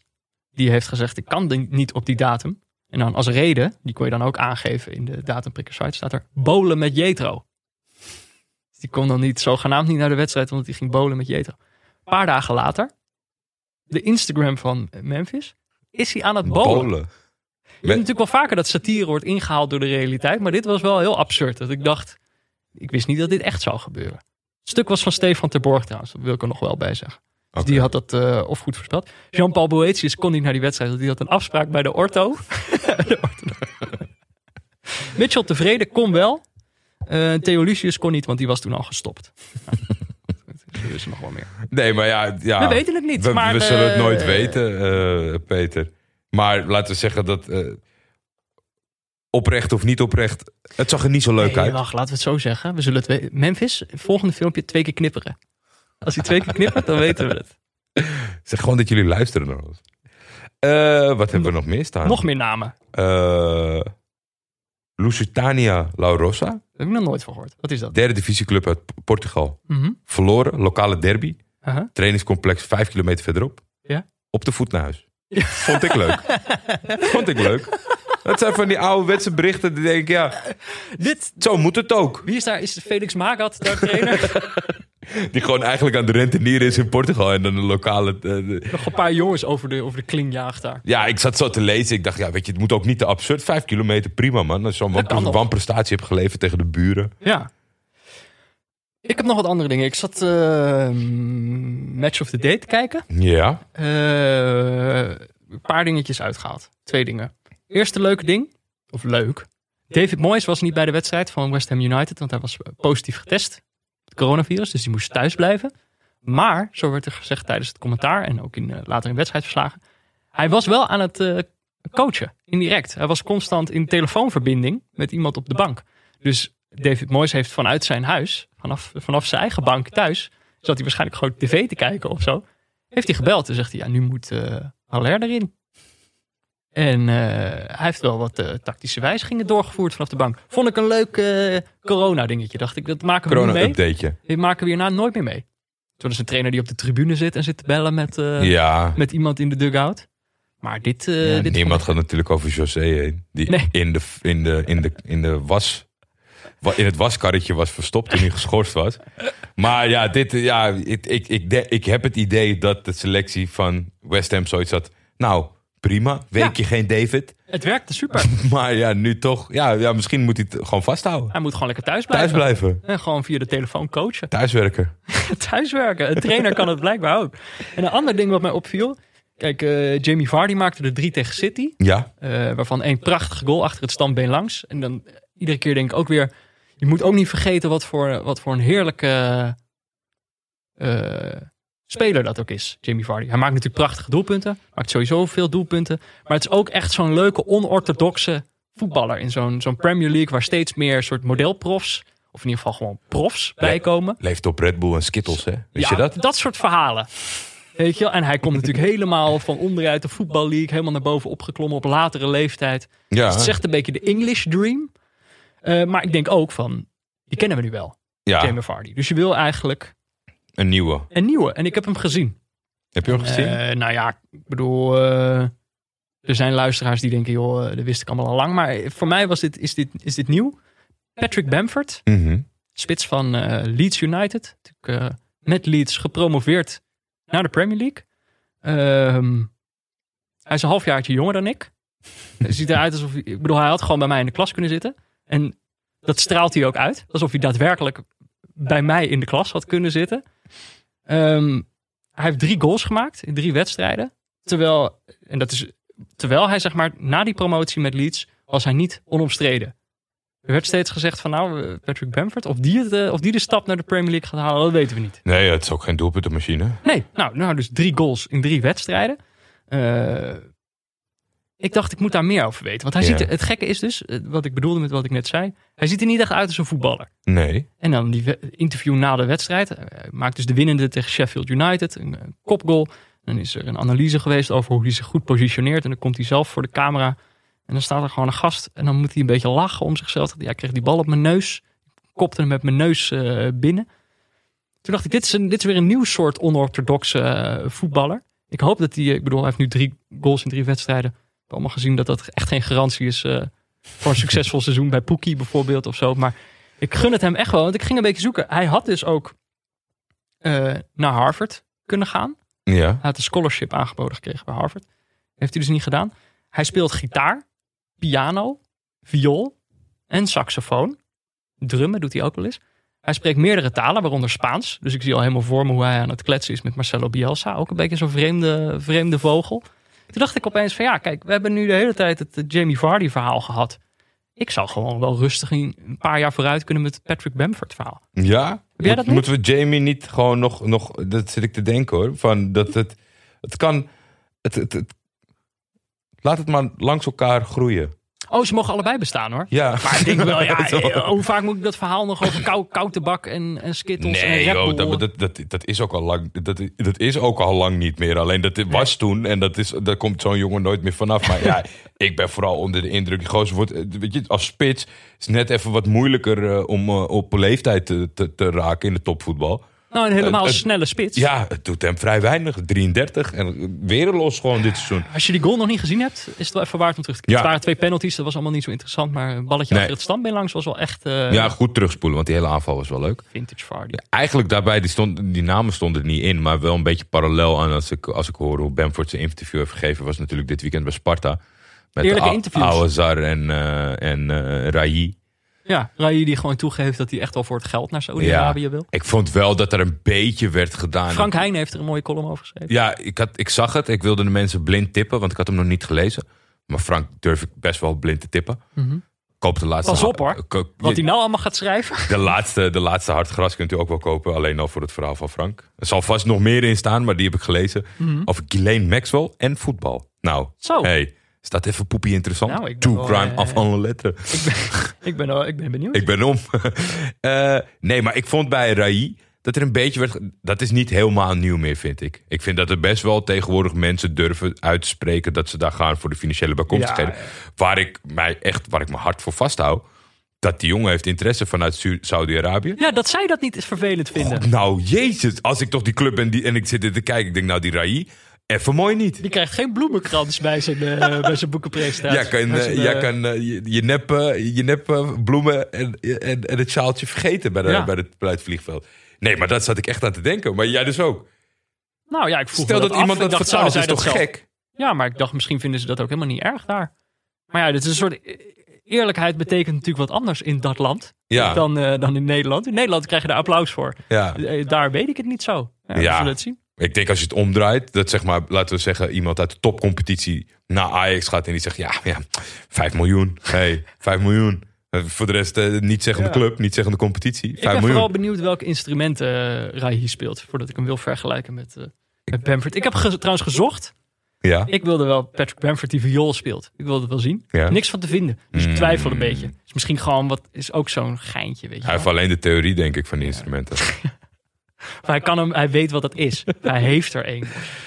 Eh, had ik nog wat? Ja, je hebt nog wel, ik zie nog wel wat gekke namen ertussen staan. Nou, dat ik. eh, net hield ik mijn hart nog vast voor Rai. Nu ben ik bang voor Roger Schmid. Het, het is allemaal wat angstige tijden. Ik heb het idee dat als hij, als hij een van ons belt, dat wij gaan podcasten voor PSV. Hoezo? Nou, iedereen die, die of, of interesse heeft van PSV of daadwerkelijk naar PSV gaat, die zegt: Ik kon overal naartoe. Maar door, dank, door Ja. Roger Schmid ben ik hier naartoe gekomen. Ja, ik heb ze hebben nu dat- natuurlijk eh Sangaré net aangetrokken Ja. van Toulouse. Ja, Die kon naar indrukwekkende Southampton. transfer. Maar natuurlijk, eh, alles en iedereen, eh, jongens die willen blijven of jongens die er naartoe gaan, die, die zeggen allemaal: Ja, ik heb met hem gesproken, ik moet daarheen. Dus ik hoop niet eh, dat ze een van ons benaderen. dat, je de, dat je de huispodcaster wordt. Maar hij heeft nogal eh, Kon niet twijfelen. overtuigingskracht. Blijkbaar goed verhaal misschien wel. Ja, Het komt er op het veld nog niet helemaal eh, uit. Nee, Maar jij vreest voor hem? Jij bent, Nee, nee, was nee, dat de nee, nee. reden dat je ervoor vreesde? Ja, ja, ja. Omdat oké. ik vind het echt indrukwekkende. Weet je, meestal zijn er van die cliché-gesprekken rondom trainers. Van, nou, goeie. Maar iedereen geeft dat als main reason aan om naar PSV te gaan. Ja. Nou ja, ik vind het wel niet. interessant. Ik, je moet ook. Wat zou die zeggen inderdaad? Ja, zo'n Zahavi. Die, Ja. die kon, die, volgens zijn eigen vo- vo- navolging kon die overal naartoe. Maar hij moest en zou met Smit, want dat wilde hij in China al. Ik vind het knap. Ja. Zie je wat je zegt? eh, nog, niet, eh, nog niet op het veld, maar wie weet binnenkort. Ik had nog de naam José Mourinho opgeschreven. Vind ik altijd prettig als jij Dat die opschrijft. toch, ik dacht ook eigenlijk... Hij betaalt nog niet, maar het is wel echt een vriend van de show. Ik vind dat gewoon zo'n... Ik kom er steeds weer achter dat ik dat zo'n...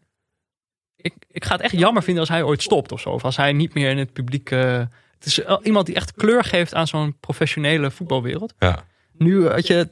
Dit is een beetje een eh, oude koe uit de sloop. Maar afgelopen week speelden ze met Tottenham natuurlijk in Macedonië... een wedstrijd voor de Europa League ja. tegen Scandia. Heb je dit meegekregen? Dat voor de wedstrijd, ehm, die wedstrijd begon wat later. Namelijk, eh, de doelen waren te laag Oeh. in dat stadion. En dan de foto's die dan verschijnen, onder andere Joris, die dan zo gewoon, die staat gewoon op de lijn en die kan zo met zijn hand de lat raken. Ja. En eh Mourinho was, voor de, was ook nog blijkbaar gaan staan en er moest iemand een foto van hem gaan maken met zijn hand omhoog. En die haalt de lat dan natuurlijk niet. Maar dat vond ik zulke grappige foto's. Kijk, sowieso, die lat was dus vijf centimeter te laag. Valt mee. Dus eh, die, ze moesten dat doel Uitgraven eruit slopen. en En, eh, ja, dus, en toen kon die wedstrijd pas weer gespeeld worden. De- ik vond dat al heel grappig. Dat Mourinho dus gewoon wel echt schreeuwde, die goals zijn te laag, doe, doe dit opnieuw. Terwijl, ja, ik denk dat je anders ook wel met Tottenham win je ook wel van, eh, van de Macedonische club, denk ik. Ja. Ehm, dat deden ze uiteindelijk ook met 1-3. Maar die foto's zijn zo eh, grappig. Het is een beetje alsof iemand eh, op vakantie gaat en dan zo foto's van het eh, vakantiehuisje of zo online zet. En dan zeggen, nou, wat we hier toch aantroffen? Zo zien ze eruit. Ze hebben iets heel lulligs. ja. En ook dat dan, kijk, dat Joris dat doet, snap ik wel. Want dat is de keeper. Maar dat Mourinho er zelf ook onder de lat gaat staan. Mag ik ook even, mag ik ook even op de foto? Even bevestigen dat het heel laag is. Ik vond dit gewoon weer zo'n zo'n heerlijk momentje. Ja. Dacht ik, ja, ik ben toch blij Hij dat hij er nog steeds hij, is. Hij vult echt de week hoor. Want het is niet normaal. Op welke nieuwssite je ook kijkt, dan is er altijd iets wat hij. ja, volgens mij, ik was net te laat om het, eh, om het aan te zetten. Maar gaf hij weer een persconferentie dat eh, hij wil echt wel zijn best doen voor de Carabao Cup. Maar op donderdag wacht er een ander bekertje. Wat Ja. net ietsjes meer centjes oplevert. Het is allemaal niet veel. Maar dat hebben we nu toch wel echt nodig. In Match of the Day eh, zei hij ook... Soms dan wordt hem iets gevraagd in een interview. En dan zegt hij heel even niks. Ja. En dan zegt hij, weet je wat ik denk? Tottenham krijgt te weinig respect in Engeland. Te Ja. weinig respect. En dan moet je zelf gewoon maar invullen wat hij daar precies mee Waarom? En dan is het interview klaar. Dat is zo leuk. Ja. Gewoon, ik bedoel, iedereen wordt gemediatraind. Iedereen gaat toch zeggen wat hij moet zeggen. Ja, nee, het zijn, zijn zelfvertrouwen. Dit Dat, dat, moet hij, dat moet hij echt nooit kwijtraken. Ik, ik denk ook eigenlijk dat het niet kan. Want hij heeft natuurlijk al tegen wat zeperts opgelopen. Maar ja, het, wat ik zeg, het is een fijne Lachen. verschijning. Het zou, ik, ik zou het best wel fijn vinden als het hem ook op voetbalniveau een beetje voor de wind gaat. Ja, dat hij weer even, Even- dat hij even een succesje. nog een schepje erbij doet. Ja, Dat, dat we weer langer kunnen het genieten. is best wel lang geleden. Ja, ik denk dat op een gegeven moment ook. Ja. Ik, hij vindt dat analyseren en tv ook poepie interessant. Dus dan ben ik bang dat we hem daaraan kwijtraken. Het zou ook leuk zijn. Maar Ja, maar daar zit we hebben hem meer nodig in, eh, in dat gorddroge, saaie Ja. trainerslandschap. Eh, ja, een van mijn laatste puntjes was denk ik eh, eh, om gewoon eens. Zal vast wel linksom of rechtsom wel eens wat gedaan hebben, maar de nieuwsbrieven te promoten die er in omloop zijn. Eh, waaronder, die heb ik echt eh, gniffelend gelezen vanmiddag van eh Sjaak Baars. Spreken als klop, daar kan je op aanmelden. Hoe breng je als voetbaltrainer coach je verhaal over? Dat is volgens mij zijn, zijn vak. Wat die, Sjaak Baars. Sjaak Baars. En daar meestal eh, gaat het dus over klop. Dan kan je gewoon, het, ah, het is niet heel vaak, maar het is gewoon prettig als het dan weer zo in je mailbox komt. Mhm. En deze week was natuurlijk actualiteit eh, eh, Frank de Boer. En dan zet hij de, de, de intro van de boer voordat de pers vragen kon stellen, zet hij even uiteen wat hij allemaal benoemt. Heel punctueel. En dan begint het kopje hoe kon het beter? En dat is eigenlijk alles. maar het is natuurlijk, het, het is veel over Het communicatie Frank gegaan. de Boer is nog niet zo goed. Nee. En er zitten best wel wat lichtpuntjes in. Maar het is heel interessant om het, zo, om het zo te lezen. Want dan kan je ook, zeg maar, als je eh, tegen iemand zegt... ja, communicatief is eh, Frank de Boer niet zo goed. Dat iemand zegt, ja, wat dan? Nou, dan heb je een keer goede antwoorden. Goede inhoudelijke goeie. antwoorden. Ja.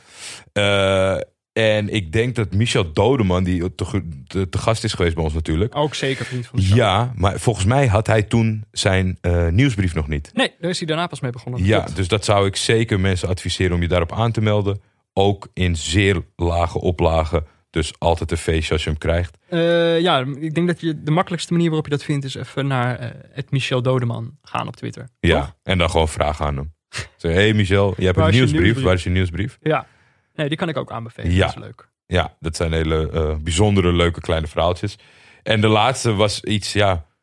Ik wil hem eigenlijk een beetje aanmoedigen. Ik weet niet of hij nog naar ons luistert, of hij veel te druk is. Dat is Michiel de Hoog. Dat is de schrijver, eh, vind ik, van de beste allround eh interesse sport nieuwsbrief die er is. is een, iemand die bij de correspondent werkt, doet dat al heel lang. Eerste seizoen was hij bij ons te gast. Jazeker. Eh er zat altijd een, een keurig schema in. Wekelijks werd een beetje twee wekelijks, werd een beetje vier wekelijks, werd een beetje wanneer die zin hebt. Nou, daar hebben wij ook ervaring mee. Ja, nou zeker. Dus eh, eh, Michiel, absoluut voel je niet opgejaagd. Maar eh, begin eens te tikken, man. Moet weer wat interessante artikelen lezen. Nou, Oh, en de laatste, ik heb, dan kunnen we deze week maar wel wil, afsluiten. je wil nog één naam. Nee, geen nieuwsbrief. Oh. Ja, wel een naam. Ik hoop dat ik het goed uitspreek. Jotam Bar Ephraim. Ik eh, doe meestal eh, eh, kort voor de uitzending even een laatste hashtag check. Mhm. En toen zag ik een heel He- Hebreeuws verhaal. En, en hashtag neutrale kijkers.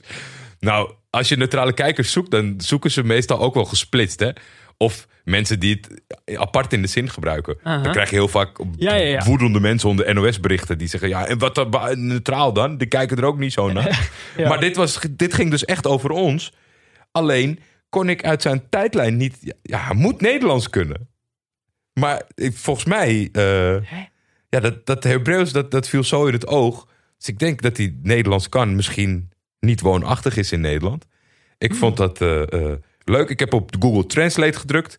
En het was, hij tipte een ander iemand om het te gaan luisteren. Zo. Jotam, dankjewel. Dankjewel, man. Leuk dat je luistert. Ja, heel Vertel leuk. ons meer over jezelf. Ja, Misschien ben je wel gewoon Nederlands en schrijf je, tweet je graag Hebreeuws, weet ik veel. Ja, nou, laat, het ons we- laat het ons weten. Leuk dat je er bent. Oké, dan ehm, kunnen we even kijken wat we volgende week gaan kijken, toch? Barcelona, tegen wie moet ze? Nee, we gaan naar een andere eh, topper kijken. Zondag 4 oktober, kwart voor negen. Zegt livescore op dit moment. Ik heb het gedubbelcheckt. Speelt eh, Juventus tegen Napoli. Oei, oei, oei. Serie. A, een competitie die we nog niet eh, hebben bekeken. Die hadden een programma ook pas vrij laat bekendgemaakt. Eh zijn ook niet heel soepel van start gegaan. Juve, Nee, de, de oude dame. altijd geholpen door de arbitrage. Tegen, Vrij recent eh, Verdachte Voorzetten gelezen. Een boekwerk van Juriaan van Wessem. Mhm. Eh, ah, dat is echt... Schande. Nou ja, laat ik het zo zeggen. Schande, zeg je. Het gekke is dat... Het is opmerkelijk, het is echt oprecht raar... dat die competitie gewoon maar is doorgegaan... na die eh, gate van, van, Ja. van Calciopoli. Mhm. Want er, er zijn dus allemaal gesprekken getapt. En dat doet Jurre, die schrijft dan gewoon alle, alle dingen uit. En dat is, dan moet je gewoon echt zien, Peter, als de voorzitter van Juventus... die naar het scheidsrechterskorp belt en zegt... Nou, volgende week hebben we even eh, Rocky nodig. En zegt, ja, oké, dan zetten we Rocky erop. Nou ja, weet je, zo, zo Mhm. absurd gekocht is die competitie geweest. En het is niet zo lang geleden. Maar ik ben benieuwd eh, wat we gaan zien. Ik heb er zin in. Ik, eh, ik, ik, nu zeg ik Juve 3-2 met twee onterechte penalties. Oké, een leuke voorspelling. Nou, mocht je ook een voorspelling hebben of iets waar we op moeten letten tijdens die wedstrijd, dan kan je dat via, laten weten via vriendvandeshow.nl slash neutrale kijkers natuurlijk. Stuur een spraakbericht. Dat zou helemaal vet zijn. Eh, maar je kan natuurlijk ook nog steeds mailen naar neutralekijkers.gmail.com. Eh zondag 4 oktober, kwart voor negen, Ja, of je kan gewoon tweeten tijdens de wedstrijd, hè? Juve Napoli. Wij zitten ook te kijken. Hashtag neutrale kijkers. Mag in alle talen, Hebreeuws. Eh, allemaal leuk. Turks. Ik vind het allemaal leuk. Oké, nou, dan zijn we er door. Yes. Eh, Neutrale Kijkers is mede mogelijk gemaakt door Dag en Nacht Media. De hoofdsponsor op de borst is Auto.nl. De muziek is Tachanka van Leon Lischner en Friends en een adaptatie daarvan van Studio Cloak. De gegenpressing jingle is van Laurens Collet. En de artwork die je ziet van de podcast, onze gezichtjes, zijn getekend door Barry Pirovano. Wil je meepraten? Eh, dat kan. Je kan ons volgen op Twitter via buurtvader of @tefef. Je kan ons dus mailen op neutralekijkers.gmail.com of je kan eh, de podcast steunen door vriend van de show te worden op vriendvandeshow.nl slash neutrale kijkers. Mm, volgende week Juve Napoli. Geef ons jouw redenen om ze te haten en vast te houden. En verder, eh, hou afstand. Hou je bek nog steeds, toch? Nou ja, nee, weet niet. Nee, juist niet. Ze moeten spraakberichten geven. Spraak, Dat kan niet met je mond dicht. eh, juist niet je bek houden. Eh, en blijf neutraal. En eh, volgende week zijn we er weer. Tot dan, Jordi. Tot dan, Peter.